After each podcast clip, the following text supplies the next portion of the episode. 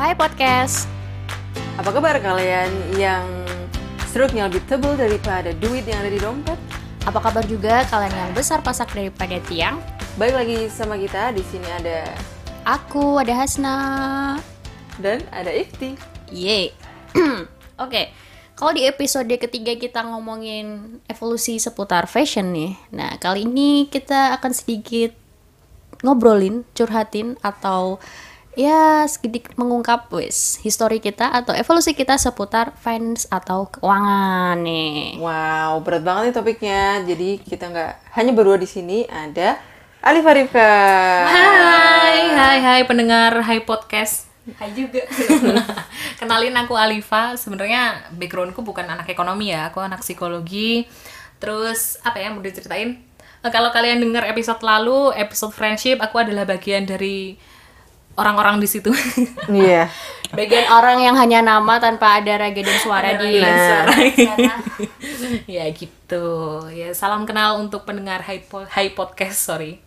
Yuk, disclaimer juga ya, kita di sini ngomonginnya bukan karena kita expert atau kita ingin menggurui atau apa pun. Kita sekedar emang berbeda cuman pengen cerita aja gitu gimana histori kita seputar atau yang bersinggungan dengan keuangan nih, ya nggak sih? Nah, ya, kita sharing aja barangkali dari perubahan kita atau hijrahnya keuangan kita tuh Hijrah. kita bisa ada lah. Hijrah itu kan menjadi lebih baik Iya ya. kan, ada yang bisa diambil baiknya gitu. Oke. Yups. Oke, dimulai dari masa TK SD kali ya. Karena kan lahir kalian belum Ya belum duit mata duitan Iya. kan ya. belum mata duit. Tidak Mata mungkin. duitan. Jadi TK SD deh soal duit. Berapa uang saku yang kalian miliki? Uang saku 1000 sampai 2000 kalau nggak salah ya. Zaman segitu ya, Bu. Zaman Jam segitu. segitu kayaknya tuh udah Nggak ngerti pas. ya itu. Apakah itu termasuk mahal di zaman itu atau enggak aku nggak tahu, tapi 1000 sampai 2000 itu untuk ukuran aku yang sekolah dari pagi jam 7, setengah 7 malah kayaknya sampai jam 4 sore itu cukup gitu. Yang kadang ada sekolah paginya apa ya les pagi kayak penambahan ilmu gitu. Penambahan ilmu apa sih? Jam belajar tambahan. Istilahnya kok Freeze moment nih, Penambahan penambahan, ilmu. Bentar, bentar. tambahan jam belajar sorry tambahan jam belajar pagi sama tambahan jam belajar sore gitu jadi mungkin jam 6 tuh ada yang udah mulai kelas terus nanti pulang sekolah jam 5 gitu mulai kelas lagi setengah lima jam 5 mulai kelas lagi Itu 2000 habis tiap hari. no jelas maksudnya Tapi tiap hari kamu tabung? dikasih. mau tiba dikasih. Aku lupa itu uang ke mana kalau sisanya Oh, kalau bisa ke mana ya? aku juga nggak ngerti jadi ya udah dikasih kayaknya habis sih kan dulu tuh ada kayaknya ada uang kas gitu, Uang kas kelas gitu ya. Oh. Tapi aku lupa ya antara kalau ada kas aku minta sendiri atau Di luar jatah uang saku. Kayaknya di luar sih. aku lupa ya. Tapi yang jelas mm, kayaknya tiap hari pasti dikasih sih. Kayaknya ya. Wow. Lupa ingat itu udah berapa tahun yang lalu? Mantap, mantap. 18 tahun. Gak Ya. usah diperjelas eh, soal eh, Usia. waktu ya. Pertanyaan ya. Iya. Iya. Kalau Ifti nih, uang saku SD TK Kalau aku nggak tiap hari dikasih, tapi aku ingat emang ada momen satu dua kali aku jajan. Jadi bukan yang tiap hari dikasih jajan gitu loh. Jadi yang kemungkinan uh, dikasihnya pas kelas 5 sama kelas 6 waktu ada tambahan apa? Tambahan kelas sore itu. tambahan penambahan ilmu. aku takut mengucapkan juga. Nah, itu baru dikasih uang jajan. Padahal juga 1000 2000 cuma beli cakwe, siomay gitu-gitu. Oke. Kalau kamu, Mas? Aku nggak dikasih uang saku. Jadi aku nggak pernah Tapi nggak pernah jajan sama sekali di Iya. sekolah. Iya, nggak pernah. Aku tuh ya nggak pernah kayaknya. Aku nggak pernah dikasih ataupun aku minta uang saku gitu nggak pernah. Kan di sekolah juga makan siang. Ada snack aku lupa ada snack apa enggak. Tapi emang nggak yang jajan ya di depan sekolah banyak yang jualan-jualan kayak gitu kan. Tapi aku nggak yang emang nggak dikasih. Nggak tahu kenapa nggak minta juga aku juga nggak tahu sih. Aku anaknya baik dan manut gitu ya. Samina waton. Enggak sih. Kamu jajannya pas pulang, minta orang tua kan. langsung. Iya iya tapi tiap bulan ini sih ada kayak jatah snack jadi kayak misalnya pas ibu belanja bulanan gitu ntar aku ngikut kan terus nanti di sana kamu pilih snack apa nanti buat stok ya, snack bulanan gitu cemilan-cemilan buat di rumah atau kadang buat dibawa ke sekolah gitu. Tapi nggak bukan jajanan yang bangsa nih bangsa nih kayak apa sih jajanan-jajanan cilok? Kalau dulu nyebutnya ondol-ondol sih aku. Ya atau bangsa nih bangsa nih lagi. Ya pokoknya yang jajanan-jajanan apa sih? Abang-abang gitu. Oh, bukan jajan abang-abang. Dulu tuh ini juga nggak cuma makanan belinya. Ada itu loh orang yang kalau jual sebagor, sebagor, se- sepeda terus gerobongan gero- Mainan. mainan tuh loh iya. Belinya binder atau itu. Oh, binder. mainan ini namanya mini-minian. Itu loh orang. Orang Oh iya, dikasih- kertas. Mm, tapi kita bisa ganti-ganti bajunya, fashionnya ya. Sampai lehernya patah. Iya. Putus gitu kan. orji binder tuh Iya, kan iya, iya. bener. Orci apa? lagi hits Binder tapi yang Binder kecil. Oh, aku mini binder deh kayaknya. oh ya, itulah Ya Allah. Iya sih duitnya mau paling beli buat itu. dulu 2000 deh seingatku Oh iya, Wah, dan itu yang paling mahal kan dibanding Iya, Kiki. dibanding Beli harvest apa kalau tukeran binder satu harvest bisa dapat dua dream card. Iya, dream card. Kalau nggak tiga Kiki. Iya. Kalau nggak satu sampul.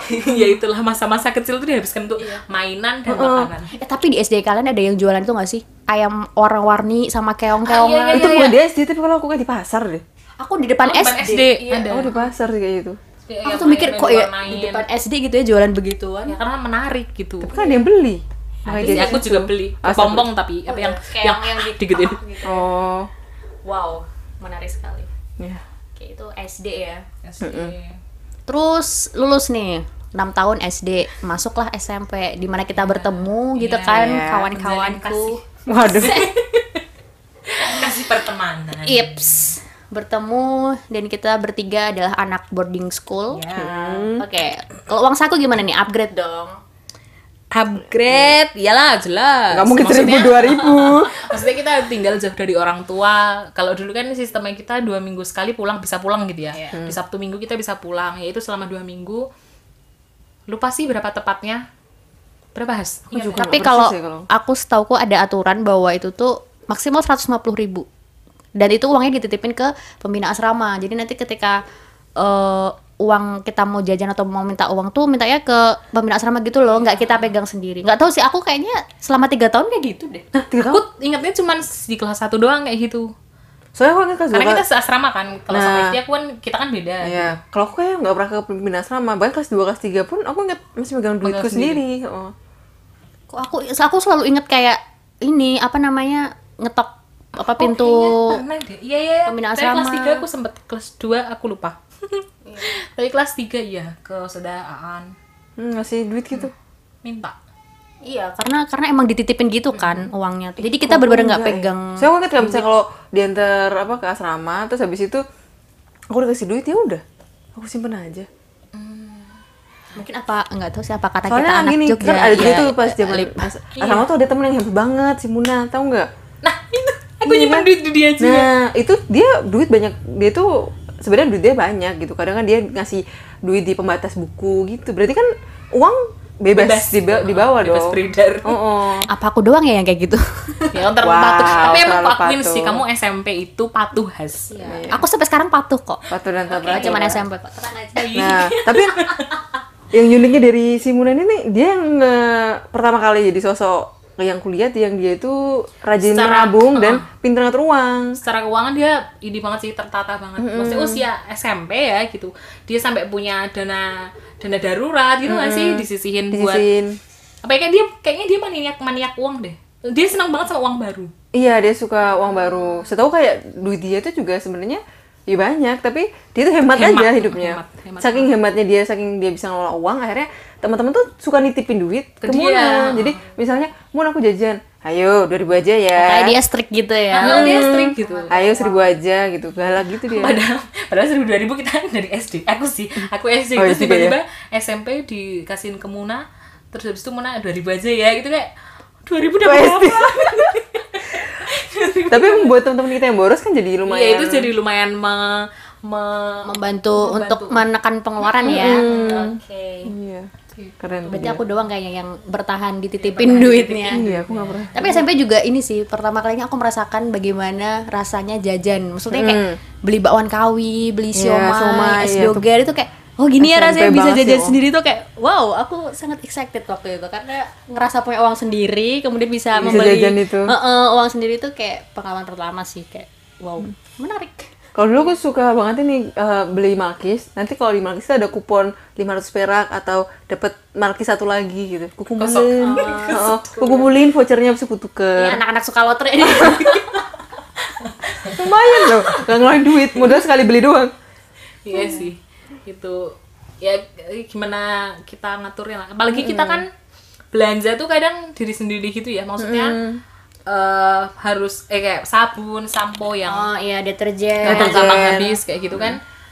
Kadang pas pulang itu masih utuh tapi pas kita di asrama malah habis kayak itu kan harus belanja sendiri itu menurutku Jadi apa ya jadi latihan gak sih? hmm, latihan untuk ngatur duit keluarnya doang masuknya belum Iya, paling nggak bisa ngatur keluarnya nih. Masuknya konstan ya, tinggal kita ya mm, gimana caranya buat duit itu tetap bisa buat hidup selama Iya. 150 gitu. Eh, selama 150, selama, selama satu satu bulan. bulan Mm, tapi, tapi menariknya kan kita juga hangout, uh, maksudnya main kita kan juga ke warnet, nggak Ya sih. bisa, terus Warnet dan Mall, Amplas oh, itu Amplas. adalah dua hiburan. hiburan wajib buat anak-anak asrama. Yang kalau hemat itu ke warnet, kalau Iya, udah, kalau udah banyak duit ke mall. ke mall ya dulu amplas tuh lagi hits hitsnya kayak masih di only one Iya, mall the yang only bisa one. bener sih. dijangkau gitu Mau nggak nonton sih? di situ, mau hangout di situ, makan di Jadi situ. kayak sampai nggak hafal juga sih layout apa apa maksudnya. Tapi kayak tahu misalnya resto yang sering eh ke sini aja gitu, akhirnya ke situ-situ terus. Iya benar benar benar. Kayaknya itu juga termasuk latihan ini gak sih? Akhirnya prioritas. Mm-mm, Kayak ketika, akhirnya belajar. Ketika walaupun belum ini banget ya, bener banget. Tapi ketika kita punya banyak duit, kita ngerti nih eh, akan kita spend untuk hiburan kayak gitu. Mm, kita, oh, ketika lagi masih bisa nih, Mm, masih gitu. bisa gitu. heeh. Bisa buat hiburan. Kalau apa namanya lagi butuh eh, apa barang-barang sehari-hari ya kita itu buat itu dulu gitu. Nanti yang lainnya bisa. Lagian kita di di asrama kan juga ada yang pulang disanguin makanan gitu loh bentuknya, bukan duit aja kayak gitu. barang kita semua udah belanja juga duluan dan kadang-kadang. teman-teman asrama yang lain juga sangunya banyak-banyak makanan tuh jadi jangan khawatir kelaparan ya asrama ini apa? saling bantu membantu Aku inget banget bawa salak satu Waduh. karung waktu. Epic sih, satu karung salak gokil. iya jadi nggak usah takut kehabisan gitu loh Oh, satu lagi mallnya Malioboro. Oh iya ya, udah ada ya. Karena aku punya kisah ketipu gitulah pokoknya Oh, di parfum? iya di jalan di depan hotel Itu apa sih mahal itu? ya, parfum yang dijual tuh. waktu itu tiga puluh ribu sih hilang tapi itu duit terakhirku tinggal duit buat TJ doang tuh Ya kayak ampun. Ih, iya kayaknya tapi aku juga pernah kepepet kayak gitu, kayak beli barang aku sama Safira. Pulang itu kan beca harga misalnya 12.000 ribu, kita coba sepuluh ribu. Nawar. Sepuluh ribu tuh kita terus udah mentok tawarnya. Jadi apa nggak apa sepuluh ribu, akhirnya sepuluh ribu, eh akhirnya dua ribu kan. Jadi kita tuh harus pulang dulu ke sampai asrama terus kita ngambil duit. ya Allah Kayak gitu. kira sih? sepuluh ribu tapi diberhentiinnya di Enggak. belum nyampe tujuan dua ribunya jalan seperempat gitu Gokil sih. tapi pernah ada di momen kalian pernah ada di momen harus pinjem uang ke temen enggak sih SMP ya, SMP ya? Kayaknya aku enggak deh kayaknya. enggak sih kayaknya itu tadi minjem maksudnya minjem saat itu tapi habis itu balikin ntar ditukar gitu. Bukan yang minjem kemudian karena aku Put- pinjam ini dulu ya. Begitu jatuhnya sih jadi kayak misalnya eh aku pakai uang dulu ya ntar sampai asrama diganti. Jadi bukan yang pinjem karena kapan sengaja dibalikin. untuk pinjem gitu Oh, loh oh, sih? yang butuh banget nih buat dipinjem. I see. kayak nggak pernah. Sampai sekarang pun kayaknya aku belum pernah pinjem. Kayak maksudnya ya kalau butuh apa kan tanya ke orang tua. Iya sih masih ada masih ada ini yang dimintain gitu kan. Iya sih juga apa apa kalau butuh ya telepon gitu kan. Ada wartel dulu. Waduh, iya lagi bener. wartel. Ya, ya duit tuh kalau nggak buat telepon wartel buat jajan harian, ya Harian. buat bulanan apa sabun dan teman-teman gitu kan. Oh, kepentingannya itu sih. Sama kalau aku kan pulang ini ngebis. oh iya benar ya Jogja Klaten ya. Jadi kalau kalau pulang harus yang kayak saving lupa dah gue sepuluh ribu, kayak udah aman tuh pulang ke Klaten. eh kamu nggak minta ini uang di luar uang saku gitu untuk biaya transport? Gak ada deh kayaknya. Pokoknya aku kayak sedikasihnya terus habisnya gitu loh. sedih kasihnya sehabisnya. Tapi enak juga ya? sih aku juga gitu. Maksudnya ya udah. Kalau pas pulang terus pas duitnya entek ya minta. Mm-mm. jadi ya alhamdulillah lah Jadi nggak ada yang rutin misalnya apa? dua ribu gitu tiap bulan persis dua ribu gitu. Enggak sih. Berarti hanya aku ya. Oke SMP 3 tahun. Lulus dong. Lulus. Ya, lulus, lulus nggak lanjut SMA nih. SMA nih bareng lagi. Itulah mengapa ada podcast episode 4 tapi ini beda. Alifa di rumah. Ya aku di rumah. Hasna ngekos. Aku di Ifti tempat om. jatuhnya ngekos nggak tuh Enggak sih, nggak bayar kos tapi oh nggak nggak bayar makan juga nggak bayar makan ya. Berarti aku ngekos, Ifti hitungannya ya semi rumah, semi iya semi rumah rumah, Alifa di rumah. di rumah rumah. Kemudian adakah kenaikan nominal uang saku kalian? Eh, of course why Enggak. not Kayaknya iya sih, tetap ada iya kenaikan. deh. Tapi aku waktu waktu eh waktu SMA itu bukan per bulan jatuhnya per hari. Oh, gue pikir oh Gila ya? Enggak. Keren. Per hari? Enggak sih, aku pikir per tahun. enggak jadi per hari gitu loh. Kalau kalau 150 dibagi 30 kemarin berapa tuh? ya? 50. Kalau misalnya SMP ya? oh lima ribu lima ribu eh berarti kenaikan perharinya lima ribu kan itu hitungannya kalau SMA itu aku jadi sepuluh ribu cuman Oh, bedanya aku udah nggak minta lagi ya maksudnya ketika ditawarin aja gitu loh kalau mau eh, misal nih aku punya sepuluh ribu terus nggak habis tuh hari itu ya aku besoknya nggak minta gitu loh Karena masih ada uang. karena masih ada Ada uang uang pegangan Hmm. gitu ya. Baru nanti ketika ditawarin ya ya aku ngomong Kenapa ya berapa nolak? perlunya aku Oh. kurinci kan. Hmm. jadi nggak nggak sepuluh ribu aja mintanya kan SMA tuh lebih banyak organisasi iuran Iya, iuran. apalah apalah kayak Misalnya kayak beli-beli apa baju-baju. ya kan? Kok, apa sih bahasanya itu dulu kaos dress code dress code. Gitu iya dress code kaos angkatan, jaket, jaket organisasi kayak gitu gitu kan. Ya, kaos angkatan baju angkatan jaket angkatan. Banyak. kalau ada. Kaos kelas juga iya kelas itu. Ya itu sih jadi yang sepuluh ribu per hari kalau nggak habis ya disimpan buat besok. Ketika baru habis total sama sekali baru minta atau ketika ditawarin baru dirinci itu gitu sih. Jadi lebih sadar diri lah. SMA tuh udah bisa sadar diri kalau kamu punya kewajiban untuk mengatur keuanganmu sendiri, gitu. Hmm, lebih dewasa lah ya dalam menentukan pengeluaran. Betul. Lebih bijak. Kalau Ifti? Kalau aku tuh menyadarinya di SMA, ya walaupun tadi nggak bayar kos, habis itu makan juga uh, sama om. Jadi kayak ya paling abi nego sama om lah, maksudnya ngasih duit berapa sama om aku nggak tahu. Tapi cuma pas aku dikasihnya pun juga nggak bulanan gitu, tetap nggak yang maksudnya dikasih tapi nggak sebulan segini. Ya masih dengan nominal yang nggak pasti sehabisnya. Tapi di situ aku kayak menyadari ada ini mulai kalau dulu zaman SMP misalnya beli baju atau beli apa itu misalnya orang tua. Nah kalau di SMA ah, itu aku kayak udah mulai eh aku pengen beli baju ini, pengen beli sepatu ini aku nabung. oh kayak jadi gitu. menyisihkannya dari uang saku gitu Mm, ya Kalau dulu kan itu di luar uang saku tuh. Nah di SMA tuh udah mulai menyadari bahwa wah kalau aku mau ini berarti dari duitku ini aku harus nabung. eh Kayaknya gitu. iya benar-benar SMA tuh mulai Udah mulai nabung walaupun apa ya eh, misal aku punya keperluan untuk bayar uang eh, baju panitiaan nih gitu aku men- menyisakan gitu loh menyisakan tap walaupun nggak sampai misal harganya lima puluh ribu nih walaupun nggak sampai lima puluh ribu mungkin nanti aku bisa menyisakan sampai setengahnya gitu nanti setengahnya minta orang tua gitu. Tapi ada usaha. tapi ada usaha untuk aku menyisihkan gitu loh. Nah kalau kamu? Aku kayaknya enggak ya. Kayaknya aku di kalau saya kos nih. iya nggak kos kan. Uang kos tuh di luar uang bulanan jadi uang kos sendiri. Ah. kalau bayar kos tuh pun juga nggak tiap bulan kayak misalnya tiap tiga bulan tiap dua bulan kayak gitu sih. Maksudnya Oh, dirapel-rapel gitu dirapel. loh biasanya bayar Yang sekolah bayar pun juga. Heeh. maksudnya ya orang tua sini titip loh. aku Oh, iya, iya. orang titip aku. Orang tua kasih aku terus nanti bayarin Oh, ya ke hmm, kayak gitu. Dan aku ibu tuh selalu nyanguin ini eh nyanguin apa sih ngasih aku kwitansi gitu jadi kayak aku nanti harus nulis kwitansi gitu loh biar buat bukti Oh, pembayaran kalau- aku dengan oh, ya. bapak kos karena bapak kos kan nggak ngasih bukti apa apa gitu kan nanti waktu-waktu kalau misalnya butuh. Heeh, atau dikira belum bayar atau Hmm, apa ada gitu kan bukti. ada bukti tanda tangannya dari bapak kosnya juga kayak gitu sih dari awal kayak gitu terus wow.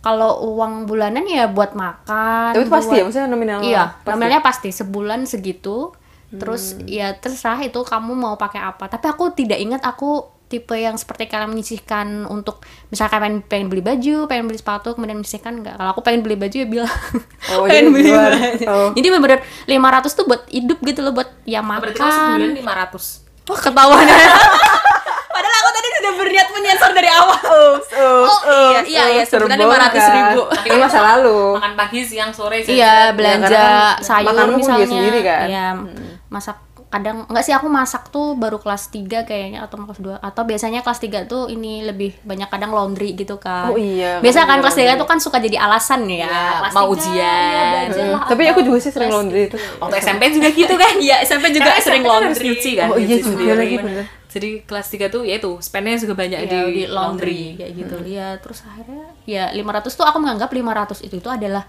hakku untuk hidup. Jadi aku tidak berpikir untuk menabung atau untuk menyisihkan. Jadi Oh, jadi kayak sehabisnya iya, gitu kan? sehabisnya itu kayak aku merasa itu ya itu untuk aku hidup gitu lah ibaratnya gitu ya termasuk buat main buat apa sih ya iuran-iuran gitu kan juga banyak fotokopi ya gitulah segala itu hal ya. kebutuhan gitulah tapi kalau di dari SD emang kamu yang paling ini gak sih Stabil. paling Ah, jadi udah dijatah gitu loh kalau kamu kan SD Iya. kamu dijatah Pasti dengan gitu eh, loh. dijatah ya. SMP Oh, dengan eh, nominal yang sama, Sama. gitu Iya, basicnya kayak kuota SMA gitu kan. segala. Dikasih kuota segini terserah lu. Mm, sedangkan aku sama Ifti kan habis enggak, habis oh, minta enggak yang di persis nominal. Kadang ditanyain sih kayak masih nggak uangnya. Aku pikir ya ini masih cukup untuk hidup seminggu atau dua minggu. Jadi aku nggak yang kemudian Minta. uh, uh, minta untuk jadi kesempatan ini. Tapi itu tadi kalau misalnya butuh pengen sepatu atau apa ya bilang buat beli. gitu. Hmm, itu SMA udah mulai ada kesadaran Akunya aja untuk belum. menabung. SMA. SMA lalu kuliah hingga sekarang nih, weh. Wah, Ma, ini paling mantap sih misalnya. kuliah itu aku dulu masih ngikut sistem habis minta itu semester satu kayaknya semester satu terus makin ke sini makin ngerasa kok aku tidak eh, setelah melihat teman-teman ya gitu. Kan teman-teman banyak yang dari luar kota gitu gitu kan lebih heterogen lah gitu dunianya. Terus aku dikasih uang bulanan segini nih aduh buat bayar kos terus makan nggak cukup nih gitu. Terus akhirnya aku refleksi ke diri sendiri gitu. Kok aku nggak pernah memanage uang ya? gitu loh. Sampai Asal akhirnya pokoknya butuh minta. Ah, akhirnya Oh. butuh minta habis kayak aku nggak ngerti kondisi orang tuaku yang penting ketika aku minta ada gitu kan. Jadinya jatuhnya gitu. sampai akhirnya aku berpikir oh kayaknya aku butuh nih buat latihan gitu. Walaupun nggak eh, ekspektasiku kan bisa misal aku dikasih 500 nih sekian persen bisa ditabung sekian persen Persis bisa persentasenya gitu ya. bisa bisa buat dana darurat atau apalah gitu kayak gitu tuh eh, di ekspektasiku gitu gitu. Terus habis itu aku bilang ke orang tua mau minta uangnya bulanan gitu. Ya udah akhirnya dikasih 300.000 ribu per bulan. Tiga ratus ribu per bulan tuh ya buat bensin buat pulsa buat jajan. jajan beli buku gitu. Cuman waktu awal-awal beli buku masih disubsidi sih maksudnya belum masih yang minta uang buat beli buku ini kayak gitu. Itu masih masih secara di luar pokoknya di luar uang yang operasional kalian gitu ya. gitu. Tiga ratus ribu tapi ya itu akhirnya nggak ke jalan. Saving nggak ke jalan emergency cost nggak ke jalan kayak gitu loh. Ya tiga ratus ribu ya ya buat keperluan kuliah mulai dari apa berangkat saya pulang kayak gitu. Itu sih. Terus sampai akhirnya semester aku lupa semester tepatnya semester berapa ya tapi di situ uangku menaik. Jadi Oh, empat ratus ribu. Nah, Uang- uang kalau uang naik gini lifestyle naik juga nggak nih? Nah, alhamdulillahnya setelah eh, apa refleksi dari tahun-tahun eh sorry semester-semester sebelumnya eh, akhirnya merasa punya kesempatan untuk nabung walaupun nggak banyak gitu. Berarti pada titik itu kamu udah sadar, oh dulu aku nggak sempet nabung. Mm-mm, dulu aku nggak ini nabung nih, momennya. momennya gitu. Dan untuk keperluan-keperluan kayak itu kan udah mulai kenal skincare ya. Wow. itu keinginan untuk membeli skincare tuh terlalu halu. Berarti di sinilah mulai titik eh, upgrading lifestyle-nya gitu kan. Sebelumnya cuek-cuek aja sih. Kemudian Iya, terus apa sih gitu. ya itu terus ada keinginan untuk beli sesuatu tapi kok harganya mahal nih gitu. Akhirnya kebetulan uangnya naik 400 yaitu ada saving buat ditabung sama buat beli skincare. Ditabung tapi skincare yang satu ditabung buat nggak tahu buat apa kayak gitu. Kayak gitu. Iya, iya. Jadi aku udah mengalokasikan gitu buat skincare tuh. Kalau Ifti Kalau aku Ngekos kuliah kan? cukup mau karena gantian nih ngekos kan. awalnya kan Alifa di rumah, Hasna juga jadi pulang ke rumah. Oh iya, sekarang aku yang kos. Nah kalau misalnya sebenarnya awal semester awal tuh masih di tempat omku, cuman ya dengan sistem yang lama. Tapi pas ketika kos itu kan udah beda lagi tuh apa kondisiku. Nah kalau biaya kos itu masih Abi yang nanggung biaya kos. Dan eh, waktu itu kan eh, terus aku dapet duit pensiunan Umi tuh. Nah setelah aku dapet duit pensiunan Umi, eh apa ya? Intensitas Abi ngasih uang tuh nggak sering dulu. Jadi kalau misalnya aku udah kayak kepepet banget butuh, baru dikasih nih. Kalau misalnya kayak Abi nganter terus nanti dikasih uang tambahan. Tapi nggak yang kayak dulu literally duit ini Langsung itu karena buat untuk, untuk kamu. kebutuhanmu gitu. Jadi nominalnya juga nggak gede. Cuman karena dapat duit pensiunan Umi yang Itu yang gede. Bener uga. boleh sebut nominal nggak? Waduh. Kalau boleh kita tahu. Nah, ini- eh, pernah aja pas sama kerja, biarin lah. ya.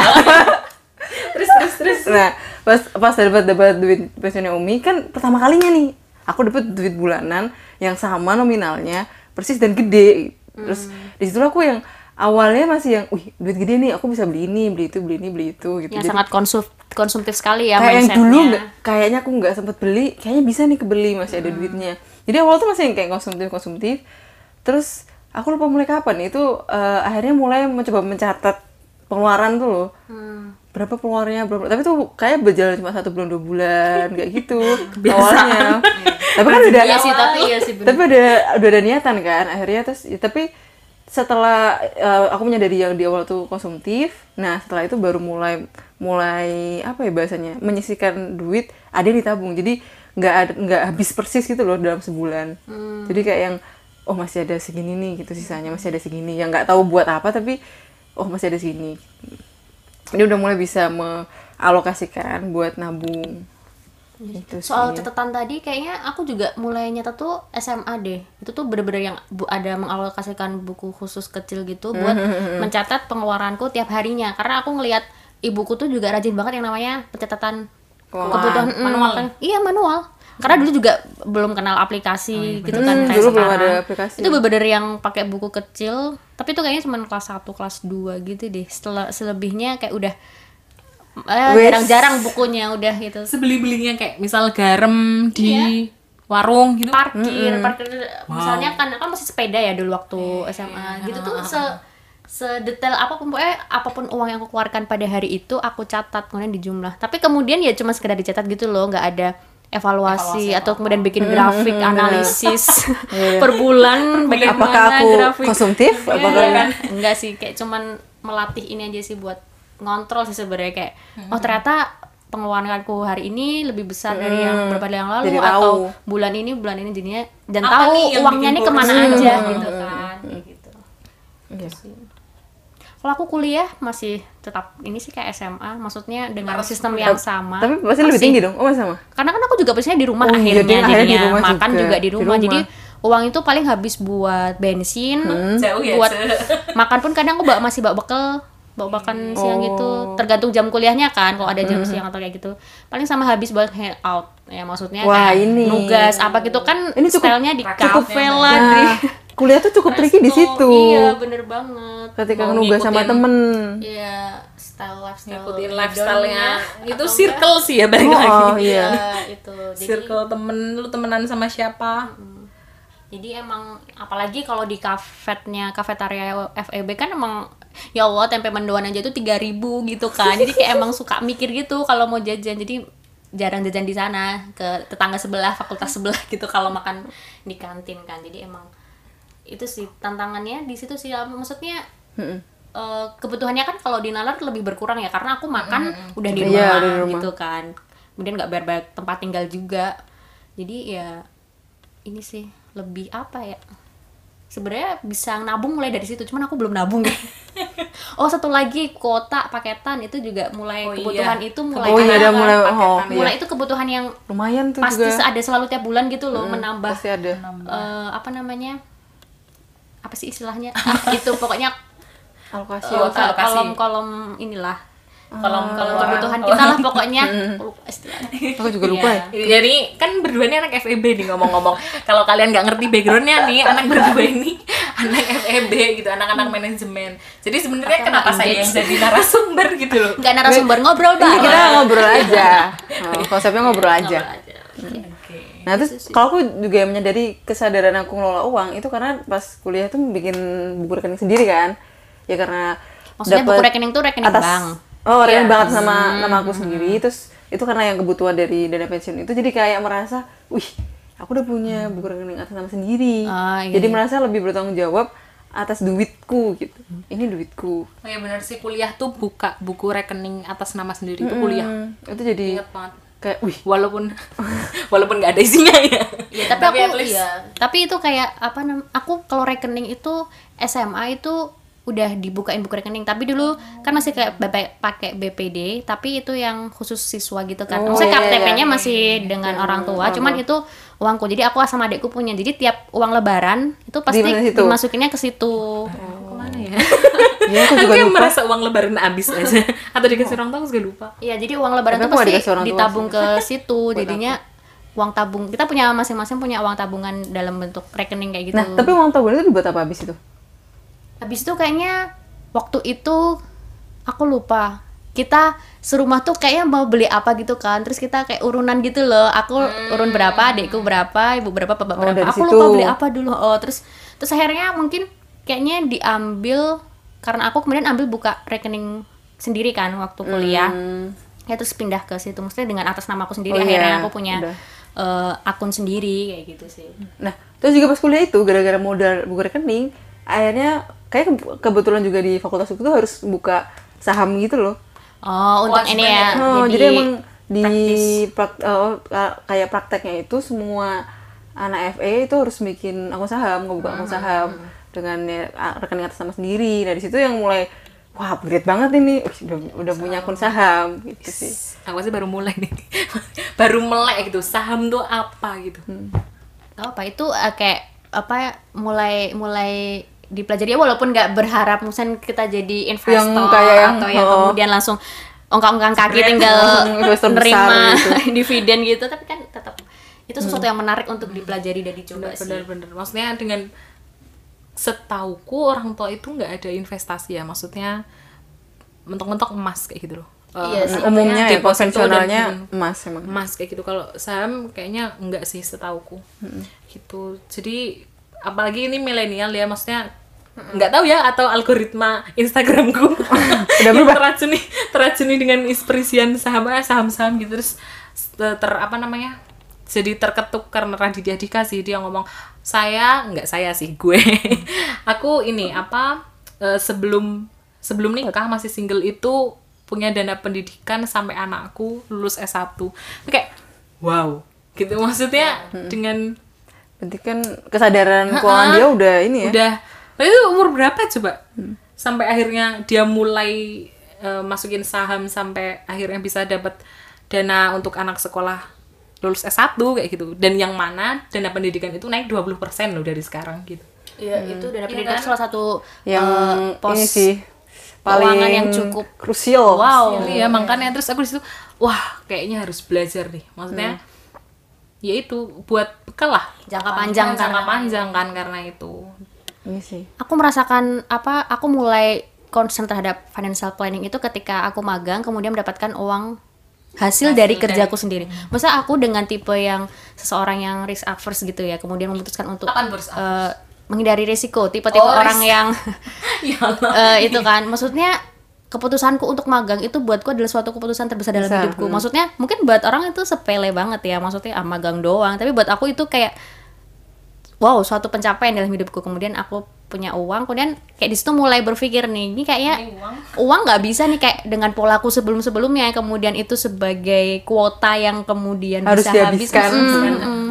harus diposkan harus dikelola supaya uang itu tuh apa ya bisa lebih Bisa bermanfaat eh, dan efeknya tuh nggak cuman secara konsumtif gitu loh ada efek jangka panjangnya nah mulai dari situ sih mulai kepo-kepo soal Investasi. financial planning dan sebagainya Iya benar. Menurutku juga eh, pengaruh kesadaranku tuh juga dari mata kuliah juga kan dari eh, mata kuliah itu juga dibilang kalau sebenarnya duit yang kita taruh di bank itu tuh nilainya itu menurun tiap tahunnya. Iya, Jadi bukan kita untung ataupun balik modal, tapi itu justru kita malah rugi. Makanya yang harus dilakukan justru malah itu nabung mending di saham atau di emas supaya uang Uangnya itu tumbuh, muter. Itu sih Benar-benar. ya. Nah ini juga karena kalian ini anak-anak FEB yang terutama Ifti yang lebih dulu masukin apa ya eh, financial planningnya itu lebih maju lah daripada kita kita gitu. Jadi tergerak, eh, jadi tergerak. Oh ternyata gini nih kehidupan finansial. ternyata nggak bisa nih disimpan doang diem kayak gitu. Itu juga apa gara-gara kalian sih anak-anak FEB ini gitu. Kalau kamu selain saham if main ini juga emas juga nggak saham investasi Iya, sebenarnya aku nggak sih? Kayak- ada investasi. emas kita beda bu Oh, sama Alif mikir emasnya emas yang lain fokus yang lain ya masnya. kidding guys kidding Bikin Seriusin cara juga boleh. cara jokes kita tuh gini. Terus terus. Nah, kalau kalau aku ada juga sih di emas gitu. Jadi kan emang aku orangnya suka coba-coba ya. Jadi yang dari saham itu itu bener kan kayak dapat ilmunya sebenarnya kalau teman-temanku banyak yang bikin akun dan nggak ngapa-ngapain. Kayak cuma ketika mata kuliah terus ya udah dibiarin aja.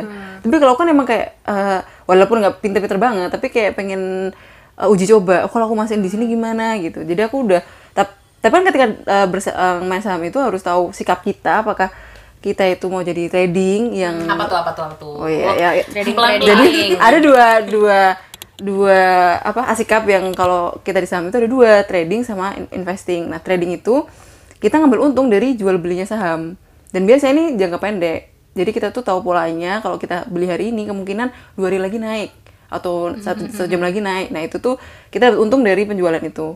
Tapi kalau investasi kita tuh istilahnya kalau sekarang kayak nabung saham kita tahu eh, itu perusahaan yang profit yang bagus kita nabung aja di situ kayak nanam duit gitu ya Oh, kayak si Warren tuh. Buffett gitu, orang yang orang yang terkaya itu kan dia nanam sahamnya di Coca-Cola. Akhirnya sekarang juga dia yang paling kaya. Jadi akhirnya aku sadar, oh kayaknya aku nggak bisa nih trading. Aku ngambilnya investing jangka panjang. karena trading emang analisisnya complicated Wow. ya nggak cuman Nggak tadi cuma- kayak menghindari untuk namanya gambling yang Heeh, kemudian itu kan juga- untung-untungan dan sebagainya kan butuh analisisnya ya walaupun sebenarnya bukan berarti kemudian kita nggak bisa maksudnya tetap belajar bisa Tetap dipelajari bisa. Hmm, Cuman kayak kalau aku kayak wah terlalu rumit nih gitu yang, yang bisa aku ambil yang investing. Akhirnya aku investing dengan konsep sesederhana apa don't put your egg in one basket. Jadi aku naruh di dua sektor yang berbeda yang menurutku dua sektor ini tuh bakal profit lah ke depannya. Nah, setelah dari investing si saham ini aku sadar bahwa ih kayak seru nih investing. Akhirnya aku coba emas. Di situ tuh aku awalnya nyoba beli emas yang di toko-toko emas biasa tuh loh dalam bentuk batang atau perhiasan dulu itu pertama kali emas yang dikasih aku tuh dalam bentuk perhiasan dari nenekku. oke Jadi tuh kayak pertama kali aku kenal, oh ini beli emas. Oh cara belinya gini, beli per gram, ada karatnya, ada berapa persen kadar emasnya gitu. Aku jadi mulai ngerti kan. Terus setelah itu barulah aku lupa deh dua tahun atau tiga tahun setelahnya ada kayak duit yang dikasih buleku. Jadi kayak bule ada titipan duit dari nenek. Waktu itu kan nenek udah meninggal terus kayak ada bagian buat aku sama adekku. Terus aku mikir wah ini nggak bisa nih kalau cuma dalam bentuk duit. Karena kan ini istilahnya kayak hibah simpenan kan. Akhirnya aku jadiin uh, emas emas batangan pada saat itu. Pokoknya senominal duitnya berapa dapat emas berapa, gitu. Nah itulah pertama kali aku uh, investasi emas batangan. Itu kayak 2017 2016 itu gitu. masih beli di toko emas? Mm, masih beli toko emas.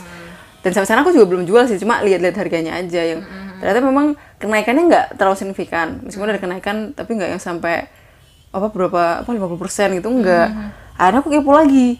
Gimana kalau misalnya aku investasi emas tapi di Antam?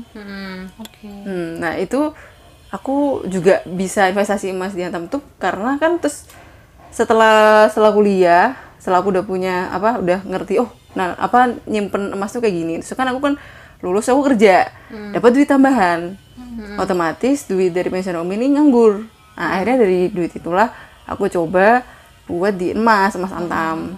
lumayan tuh kan? Tapi nggak semuanya. Cobanya kan dikit. semuanya. Cobanya kan coba-coba dikit dulu lah gitu. Beli berapa? Oh baru banget kalau Antam ini baru banget beli kemarin Februari apa ya? Sebelum Pokoknya pas banget sebelum pandemi antara Januari atau Desember Jan Desember Januari Februari itu aku beli masih berapa? Itu kayak masih 700 deh. Eh oh enam 700 600 Murah ya? sekarang udah satu juta. Iya. Jadi sih, kayak, aku juga wow. terakhir 2017an ya ibu ya? Kalau yang yang kalau yang mas ya. toko emas itu waktu itu aku 2017. juga lihat-lihat segitu udah punya uangnya lihat-lihat doang nih lihat-lihat. Ya udah akhirnya uangnya buat yang lain. Nggak jadi beli emas. Nggak jadi beli emas jadi ya udah Iya. tapi aku pernah jadi suatu ketika ada kebutuhan ya adalah kebutuhan sesuatu yang akhirnya harus menggadaikan emas waktu itu Hmm. aku punya anting yang aku nggak ngerti eh waktu itu harga buatnya harga buatnya nih tahun 2013 itu 600.000 ribu dua pasang berapa gram itu itu aku nggak Sepasang ngerti ya. apa dua eh, sepasang kanan kiri? sorry dua kanan Sepasang kiri. apa dua, dua kanan pasang? kiri gitu itu enam ratus ribu ya 2013 terus kemudian digadein tuh aku nggak ngerti ya apakah hitungan gadai itu sama ketika kita akan menjual gitu loh. Paham kan? Yang yang jelas ada biaya administrasi ada gitu. Cuman waktu itu dihargai oleh pihak pegadaian itu 1,6 juta. Wow, tahun 2017 lumayan ya. dari 13 ke 17 gitu loh. itu tahun. sejuta sendiri naiknya kayak gitu. Aku nggak ngerti ketika dijual. Nah kemudian baru-baru ini gitu kebet- kebetulan aku butuh uang nih butuh uang. Terus kemudian aku jual lah si emas ini kayak gitu tahu harganya berapa berapa Berapa? 2,5 juta juta. Oh, berarti dua lipat ya? Iya. Dari 2013 sampai 2020 tuh dari 600 ribu buatnya itu jadi 2,5 tuh wow. gitu. Lumayan sih, oh. Dan uang itu lah yang aku buat bayar UKT. Kayaknya jadi, jadi duit- Sudah mulai terlihat ada ini ya, kebutuhan, yang kebutuhan yang harus harus Tapi kan selain untuk kebutuhan-kebutuhan ini, kayaknya kamu juga mulai berpikir kreatif gitu untuk yang namanya menghasilkan pundi-pundi rupiah. Nah. Salah satunya dengan Eh, salah satunya dengan apa nih? House perfect. Iya. Yaps. Boleh mampir Follow ya, follow ya. di Instagramnya. Als underscore Parfait. gitu tulisannya. Apa tuh Als Perfect? Perfect apa ya? Sebenarnya itu isengnya aku. Eh sebenarnya aku suka masak dulu tuh enggak, cuman tiba-tiba suka aja ngeliatin orang masak terus akhirnya explore. Ah kayaknya nggak cuma cooking nih tapi bakery bisa dieksplor kayak gitu. Terus lihat-lihat resep dicoba oh kok kayaknya enak gitu. Jual aja. Tapi sebenarnya juga ada tuntutan bukan tuntutan ya. Ada kebutuhan. kebutuhan gitu, karena nggak enak ya eh, minta orang tua terus akhirnya kenapa enggak nih dijadiin duit? kayak gitu. Dan terus akhirnya yaitu eh, hasil penjual apa berani berani untuk jual walaupun PO PO sedikit sedikit dulu ya gitu terus yaitu hasilnya untuk salah satunya nemenin si 2,5 juta ini untuk bayar UKT gitu Jadi menarik ya dari hobi itu bisa menghasilkan pundi-pundi loh. Iya, sekecil apa pun tuh tetap Iya, tetap ini Ada hasil kebanggaan gak sih? loh gitu. Itu sih, ya itu karena pertama urgensi, ya bukan urgensi ya. Salah satu Ada- kepepet Menyadari Oh, ada kebutuhan kepepet. gitu ya. Hmm, harus bayar UKT yang aku udah udah nggak bisa minta ke orang tua itu. Kayak gitu. Akhirnya mau nggak mau aku putar otak kan. Putar otak gimana caranya nih jumlah UKT harus terpenuhi dan bayar sendiri nih gimana gitu. Ya udah itu salah satunya jual emas sama si bikin bakery. Nggak bakery salah. Banyak amin amin amin banyak, amin banyak, amin. Banyak-banyak ini ya. Makanan apa? Produk-produk. Produk-produk lah. Eh, apa aja di Kulineri. yang bisa dijual lah Makanya apa ya. aja.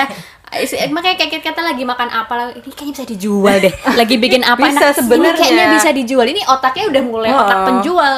ada yang mau ngasih modal sangat terbuka membuka investasi Nah, Mungkin yang mau belajar investasi loh. nah bisa bisa bisa nanti kepemilikannya kita bagi ya nah itu bisa tuh investasi di di usaha salah satunya.